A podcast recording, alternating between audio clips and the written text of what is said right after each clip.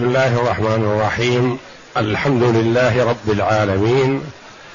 والصلاة والسلام على نبينا محمد وعلى آله وصحبه أجمعين. وبعد. بسم الله أعوذ بالله من الشيطان الرجيم. وقالت اليهود ليست النصارى على شيء وقالت النصارى ليست اليهود على شيء وهم يتلون الكتاب. كذلك قال الذين لا يعلمون مثل قولهم فالله يحكم بينهم يوم القيامة فيما كانوا فيه يختلفون. هذه الآية الكريمة من سورة البقرة جاءت بعد قوله جل وعلا وقالوا لن يدخل الجنة إلا من كان هودا أو نصارى تلك أمانيهم. الآيتين. وهنا يقول جل وعلا وقالت اليهود ليست النصارى على شيء. وقالت النصارى ليست اليهود على شيء وهم يتلون الكتاب. سبب نزول هذه الآية فيما ذكره ابن عباس رضي الله عنهما أن وفدا من نصارى نجران. قدموا على النبي صلى الله عليه وسلم في المدينة. فعلم بذلك أحبار اليهود. فجاءوا إليهم عند النبي صلى الله عليه وسلم. فقال رافع ابن حريملة من أحبار اليهود ليست النصارى على شيء. وكفر بعيسى عليه السلام وكفر بالإنجيل.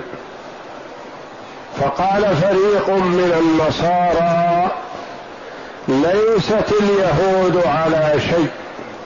لستم على دين ولا على ملة صحيحة. فكفروا بموسى عليه السلام وكفروا بالتوراة. فأنزل الله جل وعلا وقالت اليهود ليست النصارى على شيء وقالت النصارى ليست اليهود على شيء وهم يتلون الكتاب. يعني أنهم يعلمون حقيقة كذب قولهم هذا ويعلمون أنهم كفروا بما في كتبهم لأن التوراة ذكر فيها ودعاهم موسى عليه السلام إلى الإيمان بعيسى إذا بعث. والإنجيل يأمرهم بالأخذ بما في التوراة المنزلة على موسى عليه السلام. فكتبهم شاهدة على كذبهم وكفرهم بانبياء الله.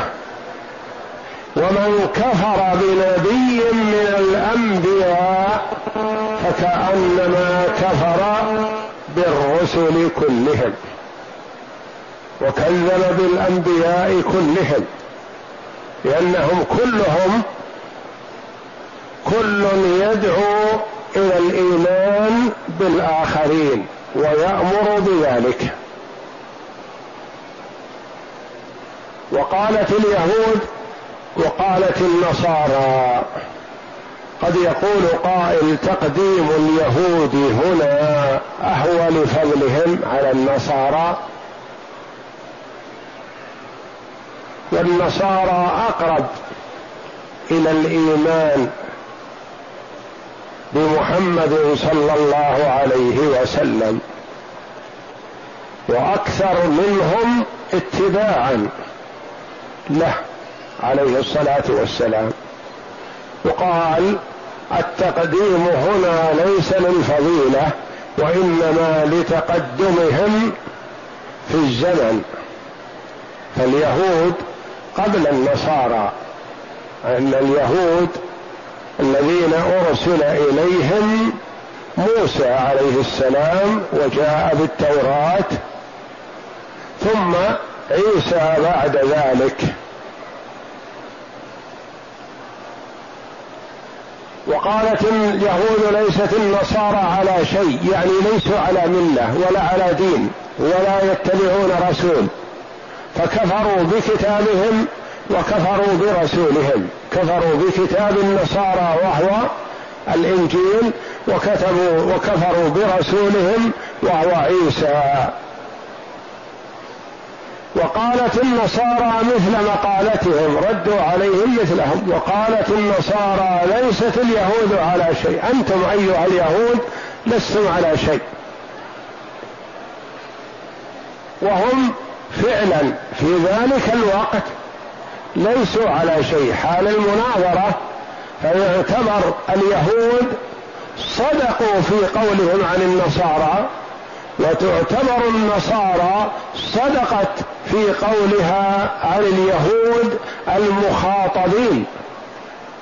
وإلا فالتوراة حق والإنجيل حق وهما كتابان انزلهما الله جل وعلا على موسى وعيسى.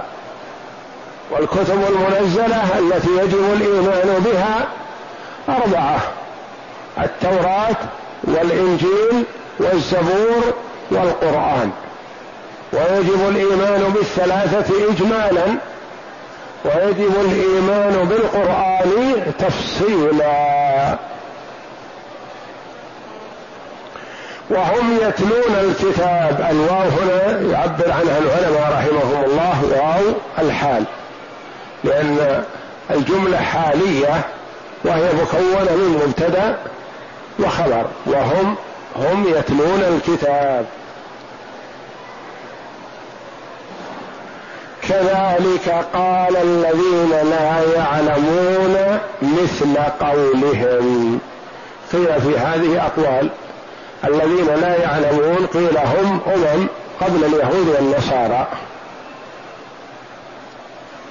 وقيل المراد بالذين لا يعلمون الذين لا علم عندهم من اليهود والنصارى لأن الكلام الأول كان بين الأحبار وأحبار اليهود والنصارى وهذا ممن لا علم عنده. وقيل المراد بالذين لا يعلمون كفار قريش. كفار قريش قالوا مثل مقالتهم قالوا محمد ليس على شيء ولا على دين ولهذا يسمونه الصابع. ومن أسلم يقولون الصبع يعني خرج عن الأديان كلها. وقيل المراد الكفار مطلقا. كفار العرب جميعا كلهم قالوا مثل مقالة اليهود ومثل مقالة النصارى. يعني كل يدعي لنفسه أنه هو الذي على الحق وغيره على الباطل. فكفار قريش يزعمون أنهم على ملة إبراهيم. يقول نحن على ملة إبراهيم ومحمد صبأ وخرج عن الدين ومن معه. وكذلك كل كافر من الكفار إن كان من العرب فهم يزعمون أنهم على ملة إبراهيم وليسوا كذلك. وإن كانوا من أهل الكتاب فكل يدعي أن أنه هو ومن معه على دين ومن سواه ليس على دين. كذلك قال الذين لا يعلمون مثل قولهم. طيب هذا الادعاء كل واحد ادعى نحو صاحبه قولا. الله جل وعلا أخبرهم بأنه سيتولى الحكم بينهم تعالى يوم القيامة. فالله يحكم بينهم يوم القيامة. هذا فيه وعد ووعيد. فالمحق يبشر بالخير. الله جل وعلا هو الذي يتولى الحكم. وهو جل وعلا منزه عن الظلم. لا يظلم الناس شيئا. وإن تك حسنة يضاعفها سبحانه. ففيه بشارة للمحق بأنك اطمئن. ما دمت على الحق فإنك لن تظلم. وفيها نذارة وتخويف لهؤلاء المبطلين الذين يزعمون كل يزعم عن خصمه ما يزعم بينما كتابه بخلاف ذلك. كتابهم الذي بأيديهم يذكر عيسى عليه السلام وكتاب النصارى يذكر موسى ويأمر بالإيمان به ففيه وعيد لهم بأن الله جل وعلا المطلع على الحقيقة هو الذي يتولى الحكم بينهم. فالله يحكم بينهم متى؟ يوم القيامة. دار الدنيا دار عمل ولا جزاء فيها لأن الله جل وعلا يعطي فيها البر والفاجر. ويمهل للفاجر والكافر وقد يمده من الدنيا بما يحب وهو عند الله مكروه وبغيض لكنه جل وعلا يعطي الدنيا من يحب ومن لا يحب. فالله يحكم بينهم يوم القيامة فيما كانوا فيه يختلفون. يحكم بينهم جل وعلا فيما اختلفوا فيه. يعني كل يدعي لنفسه الخيرية وليس الأمر كذلك. فالله جل وعلا يحكم لمن هو على الصراط المستقيم بأنه هو المحق ومن سواه على الباطل. فمن أهل الكتاب أناس محقون كما قال الله جل وعلا ليسوا سواء. الآية. اقرأ. يقول تعالى وقالت اليهود ليست النصارى على شيء. وقالت النصارى ليست اليهود على شيء وهم يتلون الكتاب. يبين به تعالى تناقضهم وتباغضهم وتعاديهم وتعاندهم. كما قال محمد بن إسحاق عن ابن عباس لما قدم أهل نجران من النصارى على رسول الله صلى الله عليه وسلم. أهل نجران كانوا نصارى وقدموا على النبي صلى الله عليه وسلم في سنة الوفود على النبي وهو الذين عرض عليهم النبي صلى الله عليه وسلم المباهلة فتشاوروا فما باهلوا لأنهم خافوا يعرفون أن محمدا صلى الله عليه وسلم على الحق. قل تعالوا ندعو أبناءنا وأبناءكم ونساءنا ونساءكم وأنفسنا وأنفسكم ثم نبتهل فنجعل لعنة الله على الظالمين. تشاوروا ثم توقفوا وامتنعوا عن المباهلة. لو ويقول النبي لو باهلوا ما أمهل منهم أحد كلهم هلكوا. نعم. لما قدم أهل نجران من النصارى على رسول الله صلى الله عليه وسلم أتتهم أحبار يهود فتنازعوا عند رسول الله صلى الله عليه وسلم. فقال رافع بن حرملة ما أنتم على شيء؟ وكفر بعيسى وبالإنجيل. وقال رجل من أهل نجران من النصارى لليهود ما أنتم على شيء؟ وجحد نبوة موسى وكفر بالتوراة. وارتفعت أصواتهم عند النبي صلى الله عليه وسلم يتنابزون فيما بينهم. فأنزل الله في ذلك من قولهما وقالت اليهود ليست النصارى على شيء وقالت النصارى ليست اليهود على شيء وهم يتلون الكتاب. قال إن كلا يتلو في كتابه تصديق من كفر به أن يكفر اليهود بعيسى وعندهم التوراة فيها ما أخذ الله عليهم على لسان موسى بالتصديق بعيسى. وفي الإنجيل ما جاء به عيسى بتصديق موسى وما جاء من التوراة من عند الله وكل يكفر بما في يد صاحبه. وهذا القول يقتضي أن كل من الطائفتين صدقت فيما رمت به الطائفة الأخرى. ولكن ظاهر سياق الآية يقتضي ذمهم فيما قالوه مع علمهم بخلاف ذلك.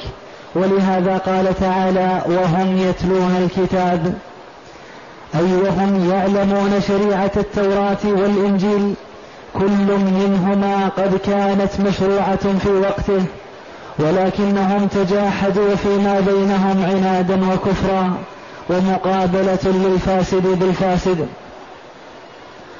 وقوله تعالى كذلك قال الذين لا يعلمون مثل قولهم يبين بهذا جهل اليهود والنصارى فيما تقابلوا به من القول. وهذا من باب الإيماء والإشارة.